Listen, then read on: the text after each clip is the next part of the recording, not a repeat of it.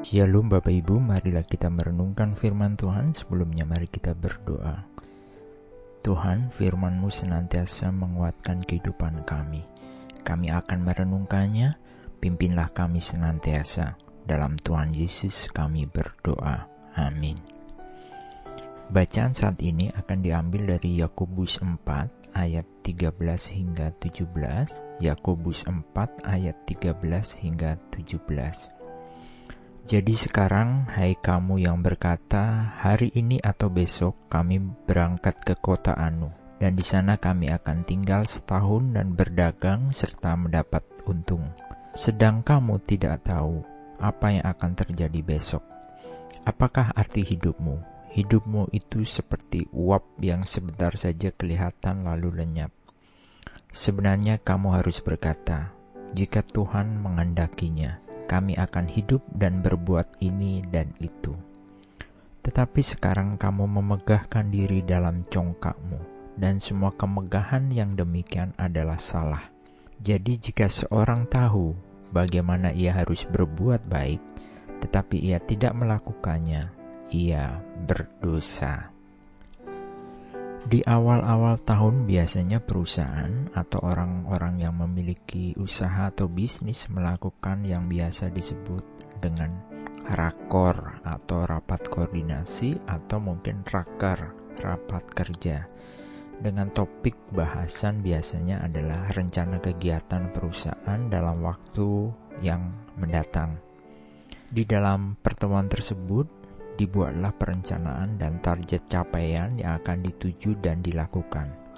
Tentunya target-target positif yang ingin diraih. Demikian juga dengan pasangan-pasangan muda yang akan melangsungkan pernikahannya. Mereka betul-betul mempersiapkan semua rencana pernikahannya, khususnya di tahun 2020 ini. Tetapi siapa dapat menduga jika di tahun 2020 ini pandemi COVID melanda dunia. Semua rencana yang sudah disusun berubah, tidak hanya sebagian, tapi bisa dibilang total. Semuanya bisa dikatakan tidak bisa direalisasikan. Target perusahaan berubah total, bahkan lebih parah, aktivitas pun harus berhenti. Bahkan semua rencana-rencana pernikahan banyak juga yang tidak bisa lagi dihadiri oleh undangan dan bisa merasakan bagaimana sukacita kebahagiaan mereka. Kita memang harus memiliki perencanaan yang baik untuk masa depan. Apakah salah membuat suatu perencanaan? Perencanaan yang bagaimana yang baik dan benar? Kita tidak pernah tahu apa yang akan terjadi di waktu ke depan. Ketika kita membuat rencana dan tujuan untuk masa depan, sebagai orang percaya haruslah selalu mempertimbangkan dan memohon pertolongan Tuhan dan kehendak Tuhan. Sebaliknya, kita harus mengakui dan menyadari bahwa segala sesuatunya sepenuhnya tergantung kepada Tuhan. Prinsip hidup yang harus kita anut ialah jika Tuhan menghendakinya. Kita harus sungguh-sungguh membawa rencana kita dalam doa. Seperti dalam bacaan Matius 26 ayat 42. Kehendakmu jadilah. Dengan demikian, maka kita mempunyai kepastian bahwa hidup kita saat ini dan kelak ada di bawah perlindungan Tuhan Bapa kita. Kenapa harus senantiasa diingatkan untuk hal-hal yang demikian? Karena kita memiliki kecenderungan ketika kita berhasil mencapai segala sesuatu, kita punya kecenderungan untuk bermegah dan sombong diri.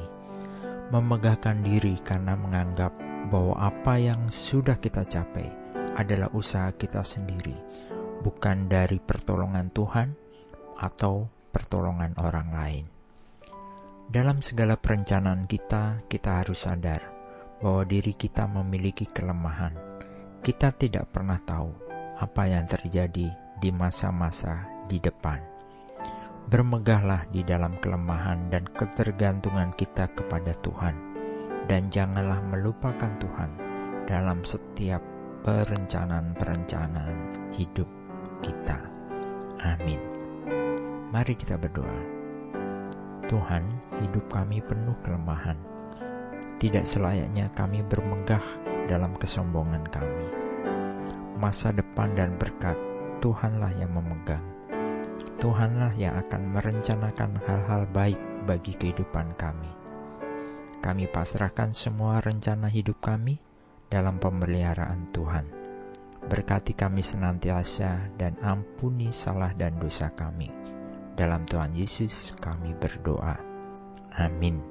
Tuhan Yesus memberkati. Shalom.